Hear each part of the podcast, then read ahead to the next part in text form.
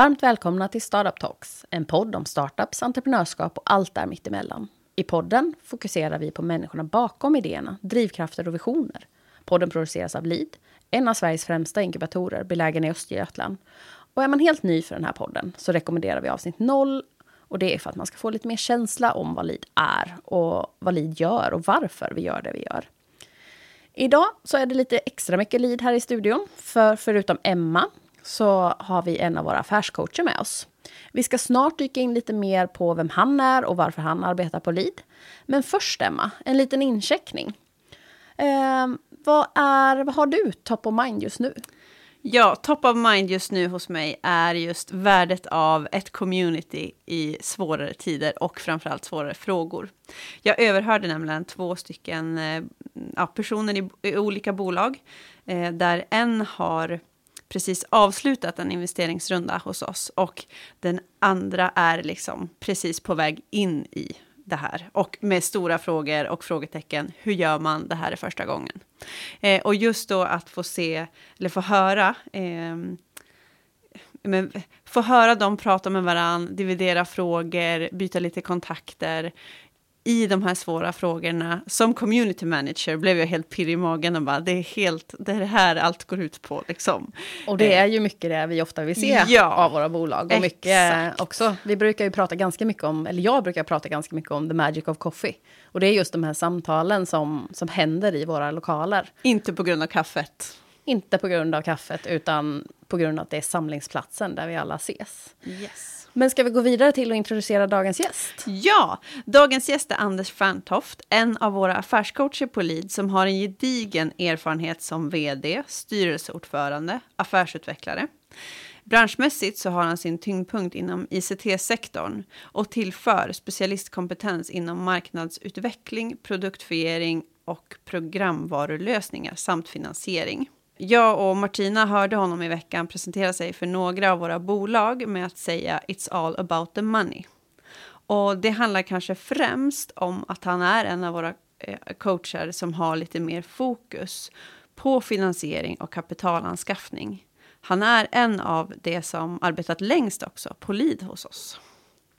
Eh, I Östergötland så är han kanske också känd för att han var med och startade och drev East Sweden Tillväxtkapital, som handlade om att förbereda bolag inför möten med investerare och sedan matcha dessa bolag med investerare som bidrar med tillväxtkapital. Varmt välkommen Anders! Välkommen Anders! Tack! Vilken presentation! Ja. Lever jag upp till den? Ja, stämde den? är min fråga då. Där. Ja, jag tänkte bara på det här det jag sa om pengar. Eller jag mm. sa det kanske på engelska. Det var på, eh, nu pratar vi svenska. Mm. Ehm, så handlade det ju inte bara om pengar i form av riskkapital och bidrag och sånt där. Utan även pengar i form av affärer framför allt. Det är ju faktiskt att skicka den där fakturan till en riktig kund är ju ett magiskt ögonblick för livbolagen när det händer. Mm. Men eh, annars så stämmer det väl mm. rätt bra, ja. tror jag. Eh, det har ju blivit mer och mer runt, liksom, om man som affärscoach coach har något affärs eller något fokusområde eller specialitet. Så eh, ja, det har ju blivit runt finansiering. Mm. Mm. Pappa var ju bankdirektör så att, mm, ja. Ja. Ska du gå i hans fotspår? Är det det som jag ska är inte bli bankdirektör. Jag ska inte byta karriär. Ja, men ska vi börja lite med en sportfråga egentligen? Hur Eller känns hur? det att vara i podd då? Hur känns är det att vara här? sportfråga? Jo, men det känns rätt känns bra. Det? Hur känns det är väl en sportfråga? Ja. ja, så ja, precis. Nej, men det känns rätt bra faktiskt. Eh, det, först när ni bad mig att vara med så mm. var det ju lite urk mm. eh, och nej. men eh, det här är bättre än att spela in videoklipp. Mm. mm. Som jag brukar totera många av. Ja, det brukar vara fruktansvärt. Mm. Mm. Men eh, du fick ju en in, jättefin introduktion av Emma, men vem är du? Lite mer på, det, på andra Personliga perspektiv. Planet, ja. eller vadå? Ja, jag är ju eh, rätt gammal, 63. Har ägnat väldigt mycket tid åt mitt liv åt entreprenörer snarare än entreprenörskap egentligen. Ehm, och alltid hängt runt små techbolag på olika sätt och vis. Och jag tycker det är lite...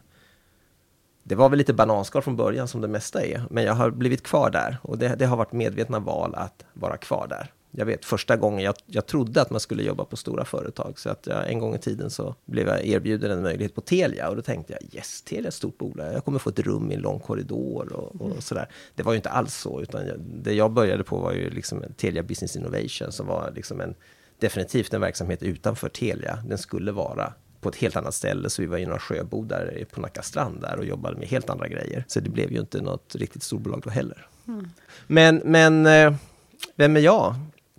Ehm, just nu är, är mitt huvud rätt fullt av vd-frågor. Jag är TF-vd på ett bolag utanför Lid som är lite äldre och lite större. Ehm, det är en ganska ny erfarenhet, för det är nog tio år sedan jag var i den rollen tidigare. Så att hjärnan har fått eh, eh, bli lite spänstig på massa operativa frågor som måste lösas idag. Mm. Hur känns det att vara där? För du har ju varit affärscoach på LID ganska länge ja, och varit på andra sidan. Liksom. Ja, Hur känns och det även, att vara? I, även som i styrelseledamötsroller ja. så är man ju också i en annan rytm. Mm. Liksom så. Mm. mm. Och eh, det är det är jätteroligt och jättespännande för man är liksom inne i, i alla frågorna och, och jobbar med dem. Men det är samtidigt rätt ansträngande att ha det där korta perspektivet, för det, saker måste hända och det är, det är jag som ska göra jobbet. Liksom, mm. Som affärscoach är det ju väldigt mycket att jobba genom andra. Det är entreprenörerna som ska växa, det är entreprenörerna som ska göra saker, förstå saker och vilja ha modet att göra grejer utanför sin comfort zone. Mm. Uh, nu är det jag som ska kliva utanför min comfort zone och göra det där som jag tycker är läskigt. Mm. Och det är ju lite läskigt. Mm. Så det här är ingenting. Nej. Nej. Helt plötsligt. Skönt. Eh, då kan vi också glida in på en fråga där. Hur är det att vara affärscoach på LID? Ja, eh, det är ju skitkul, mm. rent ut sagt. Jag har aldrig varit så länge på ett ställe, för det är inte som ett ställe, men mm. tidigare i mitt liv. Hur många år är det då, som en fråga också? Alltså jag började väl 2010 tror jag. Mm. Med att, att vikariera för dåvarande vd under ett halvår. Mm. Och sen eh, vart jag anställd på heltid till 2013 kanske. Mm. Och sen 2013 så har jag varit deltidsinhyrd mm. eh, som affärscoach. Ja. Ehm, och eh, nej men det är, det, det är jätteroligt och eh, jag har ju funderat på var, varför är det så kul för det är, det är roligt på riktigt. Liksom. Mm. Och det handlar ju om alla de här människorna som passerar förbi. Som kommer in, ofta ganska vilsna eller tror att man kan en massa saker som man inte kan. Men den utveckling som folk alla går igenom till att bli fantastiska människor, den är, är jätterolig. Mm. Det är så stimulerande när man får sparka ut ett bolag. Och, liksom, och liksom, det är inte en person eller två personer längre, utan det är flera. Och de har liksom blivit fantastiska människor. Mm. Liksom. Jag tänker lite att det är många som tycker att det är svårt att förstå. Vad gör en affärscoach? Jag vet att jag ja. har varit här i åtta år på LID. Ja. Eh, och eh, de flesta som kommer in eh, tror ju att de behöver kapital och de tror att de behöver kontorsplats. Om man ska generalisera. Ja, det är ändå det mm. man letar efter på mm. något sätt när man, när man börjar leta. Liksom. Mm. Och sen så brukar det ta ja, men några veckor. Och sen så inser man att det mest värdefulla är ju den här affärscoachen. Liksom. Mm. Ja, nej, alla säger ju det efteråt. Ja. Eh, men ingen kommer ju hit för att jag behöver en affärscoach. Så kan du inte förklara, mm. vad gör en affärscoach då? Vad gör du med de här? Ja, men jag, alltså, jag, jag tror affärscoacher är ganska olika. Mm. Jag vet att affärscoacherna på LID är lite olika i hur vi tänker runt affärscoachandet. Jag tänker väldigt mycket utifrån så situationsanpassat. Hjälpa dem jag coachar att förstå vad de behöver göra, inte vara rädda att göra det och ibland kanske guida och, och eh, ge, inte råd, men möjligen tips och andra infallsvinklar. Peka på modeller som ju man vet funkar. Peka på källor till kunskap där man kan börja leta själv. Eh, men för mig så handlar liksom rollen som affärscoach väldigt mycket om, om liksom ett gammalt citat från Sören Kierkegaard. Eh, en gammal dansk filosof. Att ska man på allvar kunna hjälpa någon så måste man först förstå och vara där den personen är. Först mm. då kan man tillsammans utvecklas och gå i den riktning man vill gå. Försöker man någonting annat, ja då handlar det mer om att jag bara vill visa vad duktig jag är. Och det är inte det det mm. handlar om. Alltså. Mm. Så att den för mig är, är jätteviktig, att liksom ta adepten eller entreprenören, inte i handen kanske, men gå sida vid sida åtminstone. Och det är, det är ju liksom jätteskönt när, när den insikten kom till mig, för det, jag behöver inte vara expert. Jag behöver inte kunna en massa saker. Och jag behöver inte utge mig för att kunna en massa saker, för vi kan utforska det tillsammans. Och det, det, det är ganska befriande. Så liksom. Mm. Men först måste man ju få accept på det och det funkar ju inte med alla. En del förväntar sig att jag ska tala om för dem vad de ska komma göra. Med, komma ja. med, så här ska du göra. Ja. och jag får ju det ibland efter ett tag. Liksom. Men Anders, kan du för fan säga vad du tycker? Hjälp mig! Och hur hanterar ja. du det då? Eller vad säger du då? Nej, då säger jag nej. Eh, mm. Det är inte jag som eh, kör ert bolag. Det är inte jag som kommer vara här i ert bolag om tre år. Ni behöver hitta sätt själva. Jag kan hjälpa er att hitta era sätt. Men jag tänker inte tala om för er exakt vad ni ska göra. Ibland gör jag det ändå. Men då försöker jag vara tydlig på att nu kliver jag ur min coachroll. Nu blir jag lärare ett tag. För nu ska vi liksom gå igenom någonting. Hur man gör en viss sak som man inte behöver utforska så mycket runt. Men typ gå igenom modeller av olika slag. Då kliver jag liksom ur den rollen. Så nu går vi igenom den här modellen. Sen kan vi fundera på tillsammans, hur ska du använda den? Och det gör, det gör, det där, den där insikten är rätt skön, liksom, för det, det gör att man kan ju prata med vem som helst om vad som helst. Så länge man liksom har satt upp de spelreglerna lite grann. Att, att uppfatta mig inte som expert på någonting. Jag kan massa saker, men det tänker jag inte tala om för dig. Jag tänker också att det är många olika bolag eh, ja. och olika människor. Mm. Är det några insikter eller Eh, lärdomar i bolagen som du bär med dig lite extra starkt? Hur menar du då? Alltså... Ja, men att, ja, men när jag mötte den här personen i det här och vi löste det här. Typ. Ja. Alltså det är någon så här, det här bär jag med mig lite. Ja, alltså precis. Fördomar och mönster är ju supereffektivt. Mm. Eh, så det förstås så bär jag ju med mig massa fördomar och mönstertänkande, mm. mm. mer eller mindre uttalat. Typ, ah, jag gjorde så här med Robert och så här med, med Berkant. Ja. Eh, och det funkade så, och de var sådana personer. Då är det mm. nog så här ungefär vi ska tänka här. Mm. Mm. Så att visst, ja. eh, men, men det, är, det är liksom inte paketerat på något sätt. Det kommer i stund. Det handlar om det där att lita på processen lite grann. Det, det, det, kommer till en i stunden, liksom, paralleller till andra grejer och det där fungerade ju inte. Så att tänker de mm. göra så, så ska vi nog försöka styra bort från det på något sätt så att de själva inser att det inte är rätt väg att gå. Ehm, men sen har vi ju liksom polit paketerat jättemycket grejer för att liksom bygga strukturkapital av allas, alla affärscoacherna och även folk ut, Steve Blank och andra, eh, kunskap och så. Och det är ju, det är ju en annan sak.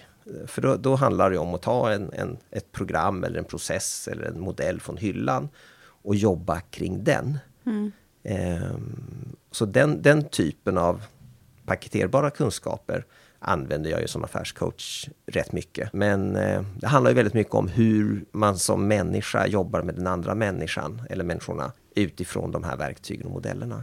Det låter som du värdesätter liksom att det är väldigt tajt samarbete. Men vad är det du värdesätter mest hos eh, egenskaper hos personerna du coachar? Ja, Eller bolagen du jobbar med? Ja, precis. Det där flummiga begreppet coachbarhet. Ja. Mm. Eh, som egentligen handlar om att vara en skilled learner då, som en av våra affärscoacher brukar förklara. Vad är en det. skilled learner? Vad är en skilled learner? jo, men det är ju, eh, det är ju en, en person som har fått insikt om att jag har massa saker att lära mig. Och jag är öppen för att lära mig saker. Jag behöver inte känna att jag kan allt. Jag behöver inte vara rädd för att visa att jag inte kan allt. Utan jag, jag, eh, jag lyssnar, tar in på olika sätt och vis. Eh, man lär sig på olika sätt och eh, gör det till min egen förmåga. Och den, den typen av människor, nästan alla blir det till slut. Inte alla, men, men eh, e, e, en del kommer jag ju aldrig under skinnet på riktigt. Och då blir det liksom ingen bra coachingprocess, utan då blir det... Ja, man pratar och stämmer av och så blev det inte mer än det.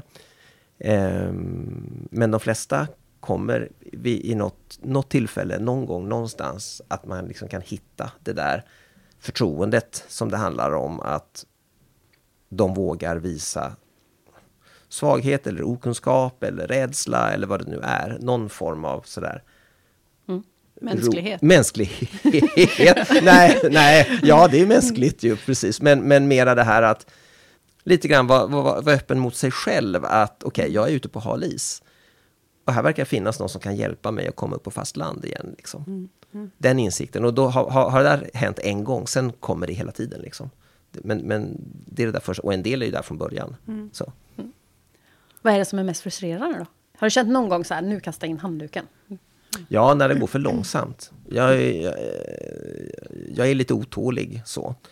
Och jag kan ju bli lite otålig ibland som sagt var. Och, och, när, när liksom vecka efter vecka de säger det här och det här och det här tänker jag göra tills vi ses nästa gång.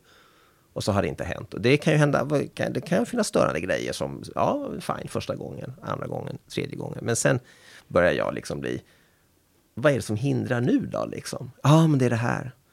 Ja, men det är alltid någonting nytt som hindrar. Eh, det finns ju någonting annat som hindrar här och så får man en diskussion. Men jag blir lite frustrerad när, när det där liksom hela tiden får göra andra saker. Tar för lång tid. Liksom. Tar för lång tid. Ja. ja jag blir lite otålig då. Mm. Ja, personligen så har du lärt mig att alltid fråga varför. ja, men, det är superbra knep. Ja, ja. ja, gör du det själv? Till eh, ja, alltså, adepterna? Alltså, ja, men ja, överlag ja. så här, ja, ja, ja, men fråga barnen liksom. Ja, ja. jag ska göra det. Exakt, det är liksom. Ah, lägg av pappa, säg istället. Nej, för det var efter någon, det var någon, ja, något möte eller något vi hade, så bara, men ifrågasätt varför istället. Köp ja. inte vad alla andra säger liksom. Nej. Wow. Mm. Nej, men, ja, men varför, du, varför ja. är ett fantastiskt bra ord att, mm. att säga några gånger. Ja. För det, det, är liksom, man kommer ju rakt bara in mm. i, i pudens kärna. Mm. Tre varför, mm. så, så har du satt griller i huvudet på så de flesta. Liksom. Mm. Men det, på tal om det, varför, och liksom, faktiskt så handlar ju rollen som affärscoach mycket om att ställa frågor. Det är, jag tror att 80 procent av det som kommer ut ur min mun när jag sitter med en adept, det är frågor. Mm. Eh, och liksom reflektioner, typ, det här förstår jag inte. Nej. Det är nog lite otydligt då, eftersom jag inte förstår. Kan mm. du förklara på ett annat sätt? Eh, och väldigt mycket öppna frågor. Ja. Just för att, att, stimulera hjärnan hos den andra personen att, att tänka och tänka till. Och inte bara det där ytliga. Nej. Utan Få lite djupare. Att, ja. ja. reflektera. Och, och, en del snappar ju det jättefort att reflektera över sitt eget beteende. Över ens egna vad ska man säga, åtgärder och, och vad man mm. gör och varför man inte gör vissa saker. Mm. Uh. Men jag tänker, eh, baserat då på erfarenheten. Vi ja. har hört nu att man ska vara en skill learner. Ja. Eh, och kanske fråga sig själv varför ibland. Ja, kan, exakt. Har du några andra, vad är de viktigaste sakerna man tänker på när man börjar en bolagsresa? Tips från coachen? Jag tror nog, eller jag vet nog faktiskt, att eh, för att lyckas som entreprenör, det var det du var ute efter, ja, ehm, så är det ju ensam är svag. Eh, är nog en, en nyckel. Um, och det handlar ju inte om att vi måste bli fler i teamet med en gång. Men att inte vara rädd för att be om hjälp, att inte vara rädd för att kliva ur sin comfort zone och, och prata med andra om sin idé. Ehm, det är nog den viktigaste grejen. För liksom, det det, ingen lyckas på egen hand. Det finns inte liksom. Va? Vi jobbar ju med ensamma entreprenörer. Men det måste gå över att vara ensam. Det är liksom nästan den viktigaste grejen vi har under första halvåret, året. Att se till att, eller se till att, men att dels skapa insikten om att det här kommer inte funka. Och sen så stötta i att hitta sina medentreprenörer då. Um, har du någon annat? Det, oftast är det ju tre grejer. Ja, mm, precis. precis. Det är en annan Det är lite det jag fiskar efter. Ja, tre är alltid bra, ja. för det blir liksom lagom många att komma ihåg och sådär. Ensam är svag. Um, vara uh, beredd att ändra. Ingen som kommer in på lead med en idé går ju ut med samma idé. Mm. Det händer, man lär sig massor av saker under vägen, vilket gör att det blir lite annorlunda eller jätteannorlunda.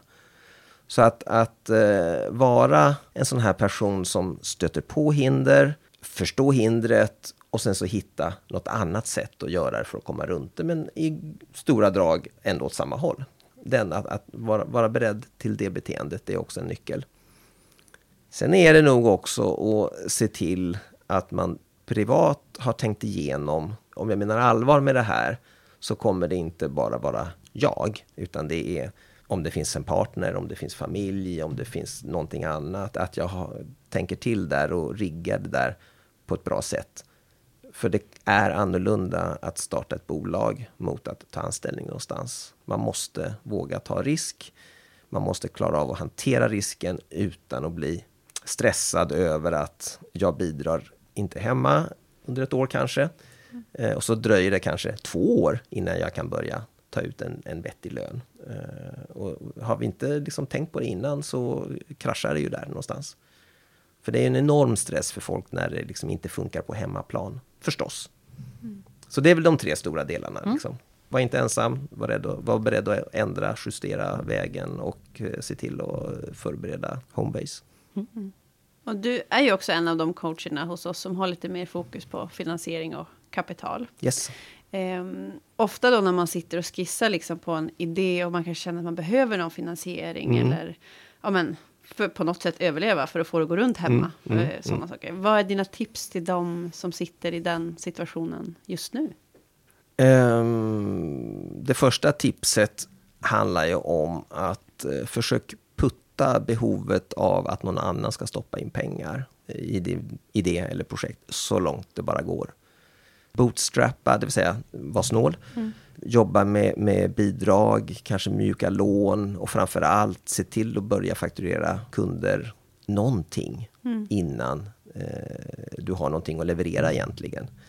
Man kan ju jobba med att fakturera för förstudier och för ett löfte att vara den första som får den produkten när den är klar en vacker dag och, det finns rätt mycket kreativa lösningar på det där. För har man hittat ett tillräckligt stort behov så är det faktiskt så att kunder är beredda att betala innan. Det kan vara en leveranstid på 12 månader. Mm. Köp den här nu så får du leverans om 12 månader. Och har man jättestort viktigt behov, ja då är man beredd att betala, inte fullt pris förstås, men någonting. Mm. Och då får du in lite pengar där. Och just den där fakturan, att kunna skicka den tidigt, den blir väldigt värdefull om man sen ska gå till någon som ska ge bidrag eller någon bank till och med eller någon annan finansiär att titta. Det finns kunder där ute som är beredda att betala för det här. Eh, så att eh, får jag bara de här pengarna så kommer jag kunna utveckla den här produkten och leverera den och då finns det fler. Det är väl det, vänta med den där miljonerna riskkapital. När är det dags att ta in de här miljonerna i riskkapital? Om man kanske behöver utveckla något mer, prototyp, hyra in mer resurser eller vad man nu kan behöva liksom, för att få en snabbare tillväxt. Ja, ja, precis. Och det är ju liksom olika i varje bolag. Men, men den, det viktigaste milstolpen som man behöver ha uppnått är ju att ha bevisat att det finns ett behov och en efterfrågan och att vi vet vad de är beredda att betala så att det går att räkna på eh, en tillväxt där och förstå en lönsamhet och förstå en avkastning. Och då har man kommit ganska långt, i vår värld i alla fall, att eh, man förstår alla de grejerna så att det behövs pengar innan, innan dess. Mm. Är det något mer man ska tänka på innan man tar in, liksom, ja det finns ju massa saker att tänka ja. på, men om vi kör tre viktigaste innan man tar in riskkapital? eh, det, det, viktigaste är ju det här med, med, med eh, kalla det traction eller vad, vad man nu slänger. Men att, att det finns en, en bevisad affärsmodell. Mm. Det vill säga det finns en kund, det finns en leverans, det finns ett pris och allt det där är inte bara sånt som jag har skissat på kammaren utan det har faktiskt hänt på något sätt. Och det andra är ju att förstå vad det innebär att ta in en riskkapitalist i bolaget. Det handlar ju om makt till syvende och sist. Och man som grundare och entreprenör behöver förstå att de där pengarna kommer inte gratis. Det är den dyraste formen av riskkapital, eller av pengar överhuvudtaget. Och jag måste ge bort makt eh, i samband med det där. För den som stoppar in pengar i ditt bolag kommer att vilja ha makt över hur de pengarna används. Eh, så det måste man vara beredd att dela med sig av definitivt. Och det innebär ju också att man behöver vara beredd på att den här, äh, det blir svårare att vara flexibel. Att, att nej, men nu eh, bromsar vi ett par år här, vi tuggar på, vi kör lite lugnt. Nej, glöm det. Eh, för affärsmodellen som investerarna har är ju att det ska gå fort, det ska växa snabbt och sen ska man göra en exit. Och delar man inte den bilden, då ska man försöka finansiera sin verksamhet på ett annat sätt. Och det går Alltså de flesta bolagen som blir bra bolag här i världen har kanske inte haft den typen av riskkapital inne. Mm. Men de som har vuxit fort och gjort exit, ja de har haft det. Mm. Men det finns ju mängder av fantastiska bolag i den här världen som har vuxit och blivit stora och vackra och fina och rika ägare och grundare utan den typen av pengar också. De har gjort affärer istället. Jag hade ju lagt upp för en smash, men du har redan svarat på den frågan. Vilken är den viktigaste typen av finansiering? Och det är just kundfinansiering. Affär, ja, kundfinansiering, mm. precis. För den är så bra. Den är bra till dels pengar förstås, mm. men den är också bra om man skulle behöva mer pengar för att investera. Mm. Eh, så är ju det så otroligt värdefullt att gå med till banken eller till någon investerare eller till vem som helst och säga jag har kunder men jag behöver göra den här investeringen för att kunna växa. Mm. Mm. Och det är bevisat då att det finns en efterfrågan. Mm. Om man har lite omvärldsbevakning och är i startupvärlden, det mm. pratas ju väldigt mycket om riskkapital. Liksom. Yes. Och folk som tar in pengar. Miljoners miljoner. Ja, miljoners mm. miljoner liksom. Inte så mycket just nu, men Nej, men Nej, ändå liksom men det, om man kollar. Visst, och det, det pratas ju, ju väldigt sällan ja. om affärer. Ja. Varför är det så? Ja, eh, bra fråga. Och jag frågade redaktören, han, vad heter han på Breakit? Eh, Stefan. Stefan, ja. Mm. Någon gång när jag träffade honom i, när Breakit var nya. Eh, så. Fan, ni skriver ju bara om bolag som tar in riskkapital. Mm. Det viktigaste är ju affärer. Det skriver ni aldrig om, liksom, någon ny spännande affär eller så. Och hans var ju, nej, folk vill inte läsa om det. Nej. Vi får så mycket bättre läsning på de artiklar som handlar om riskkapital och man har tagit in miljoners miljoner än de vi skriver om affärer. Mm. Så därför så skriver vi mera om riskkapital. Mm. Ja, exakt. Ja. får man ju förstå han då. Men det, är, ja, ja, liksom. precis. Men, men, det är ju ja, lite grann också vi... som det här, liksom att, att eh, var egentligen, om, om man liksom bara skulle se det ur samhällsperspektiv, var någonstans skulle man utveckla ny teknik? Mm. Inte fan skulle man göra det i ett startup egentligen. Man skulle göra det i... Om, om de stora företagen var lite spänstigare och hade lite spänstigare processer, så är det ju så mycket enklare att utveckla nya lösningar, nya affärer, ny teknologi i en sån miljö. Där det finns väldigt mycket resurser tillgängligt redan. Mm. man kan liksom nyttja dem på olika sätt och vis. Kolla eh, ja, mobiltelefonin liksom, mm. till exempel. Ja. Eh, lite skunkwork mellan Ericsson och Telia i början. Mm. snodde pengar ur befintliga budgetar och sådär. Skitsmart. Och det blev ju ganska bra.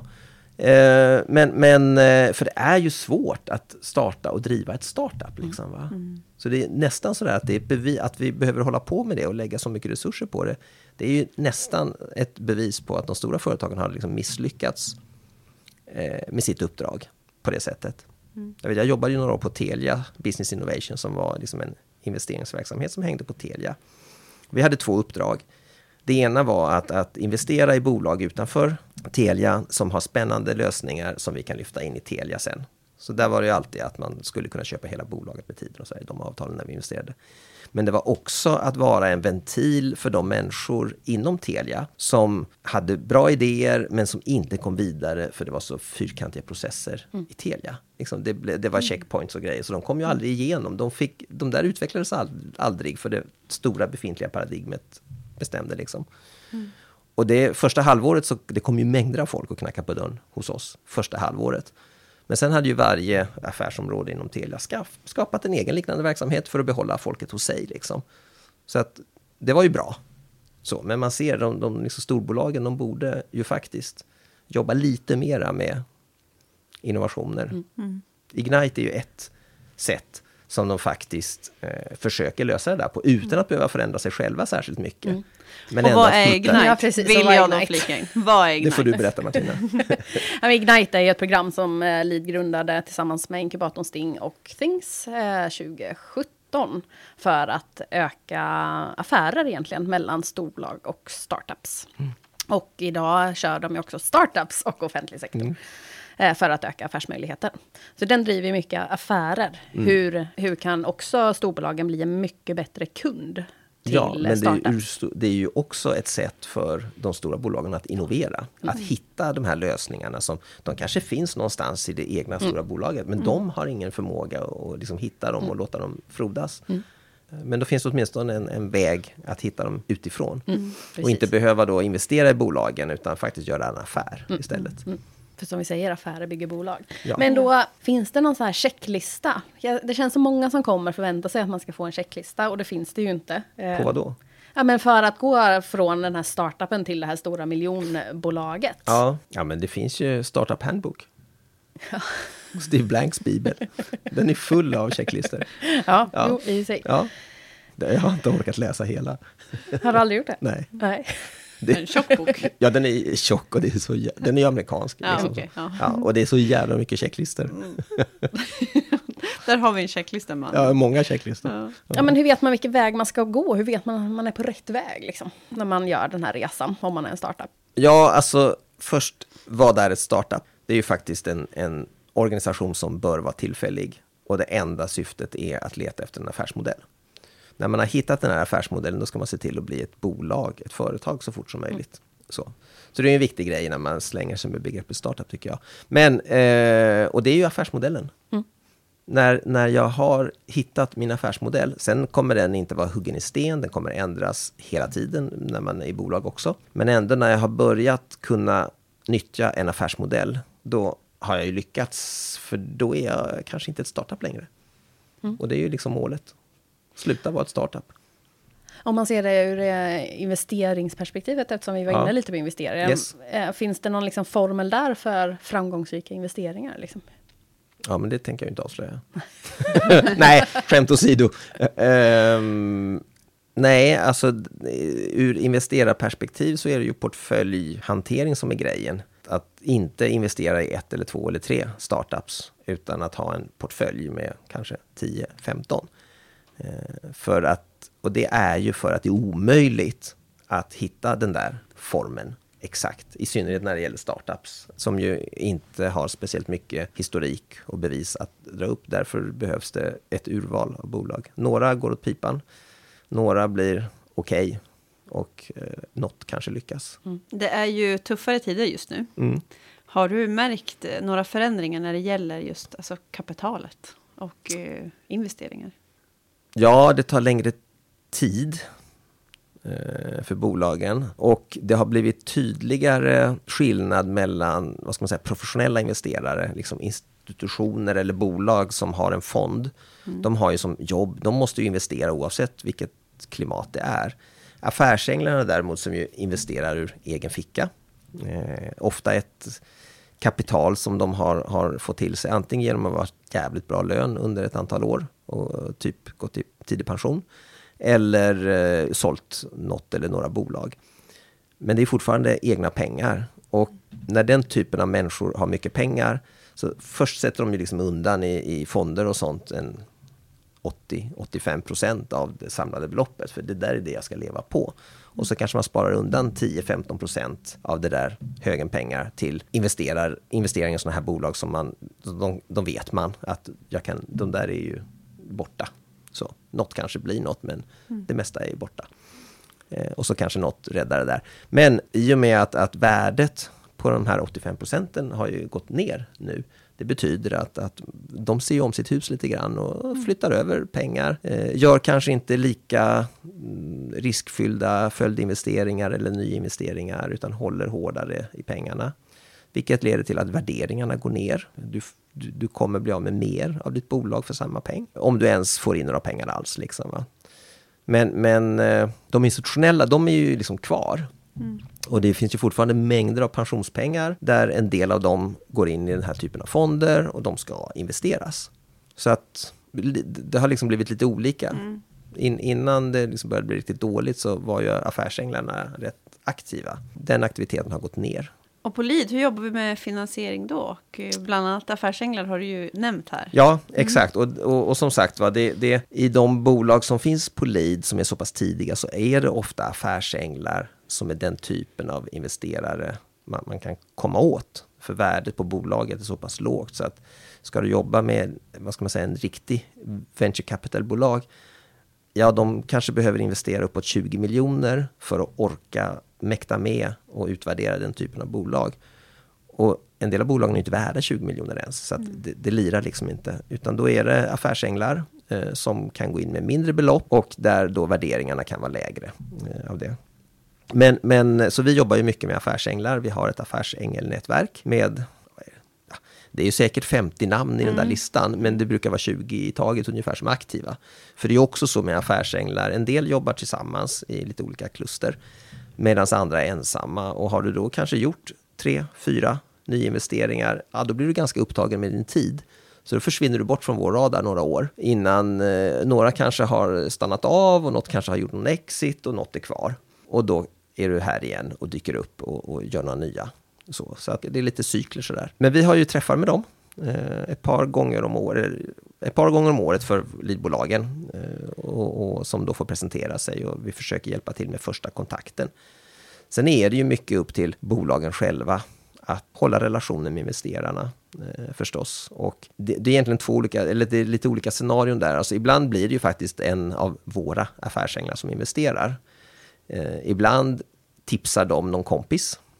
Och ibland så har ju entreprenören själv något nätverk eh, som också förstås är jättebra att ha med sig in i en sån situation. Eh, sen jobbar vi ju med bo och förbereder bolagen och det gör vi, det, där har vi en paketerad process för det. Och eh, ett antal workshops där man går igenom ett visst antal moment och det blir läxor och sådär, en ganska uppstyrd process. Men det som kommer ut ur det där är ju liksom en väl underbyggd bolagspresentation. Entreprenören har förstått vad det innebär att jobba med investerare. Man har gjort ett bra arbete med att förstå vilket värde bolaget har nu och vad man siktar på. Och man har också gjort ett gediget arbete med att faktiskt göra en, en kalkyl som lirar med det. Och allt det där är sådana här frågor som investerarna förr eller senare kommer vilja se.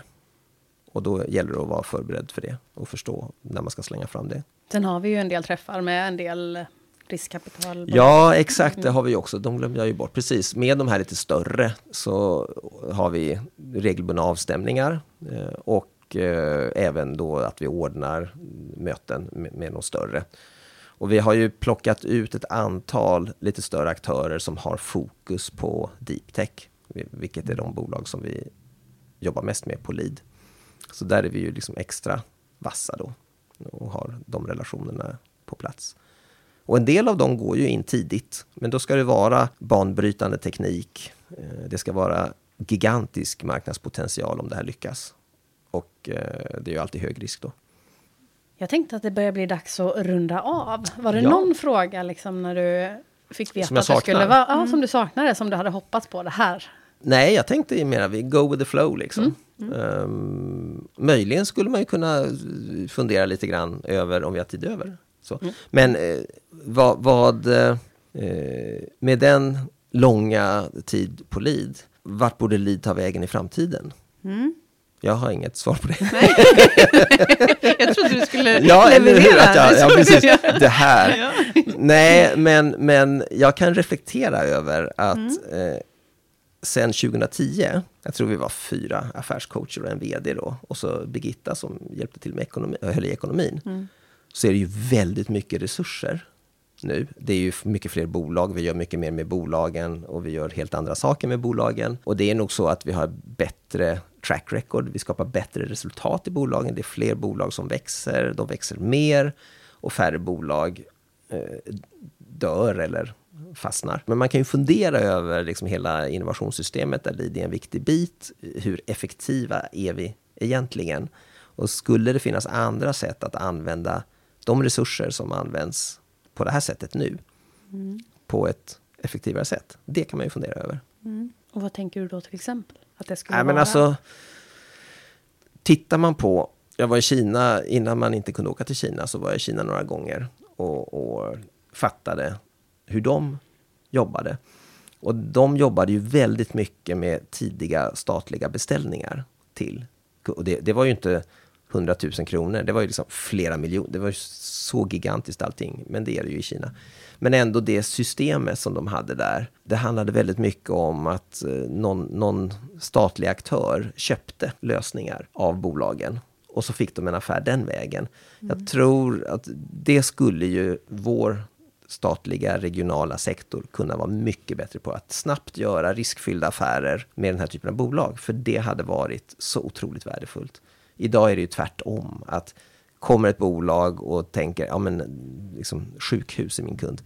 Oh, hur ska vi kunna hitta någon annan typ av kund för den här lösningen? För det kommer inte att lyckas. är ju liksom ja, erfarenheten och fördomen, mönstret som jag har med mig. Mm. Mm. Och som investerarna ha med sig. Få investerare vill investera i någon som har kommuner och regioner som marknad. Mm. Det är ett hinder för att få ta in riskkapital. Mm. mm.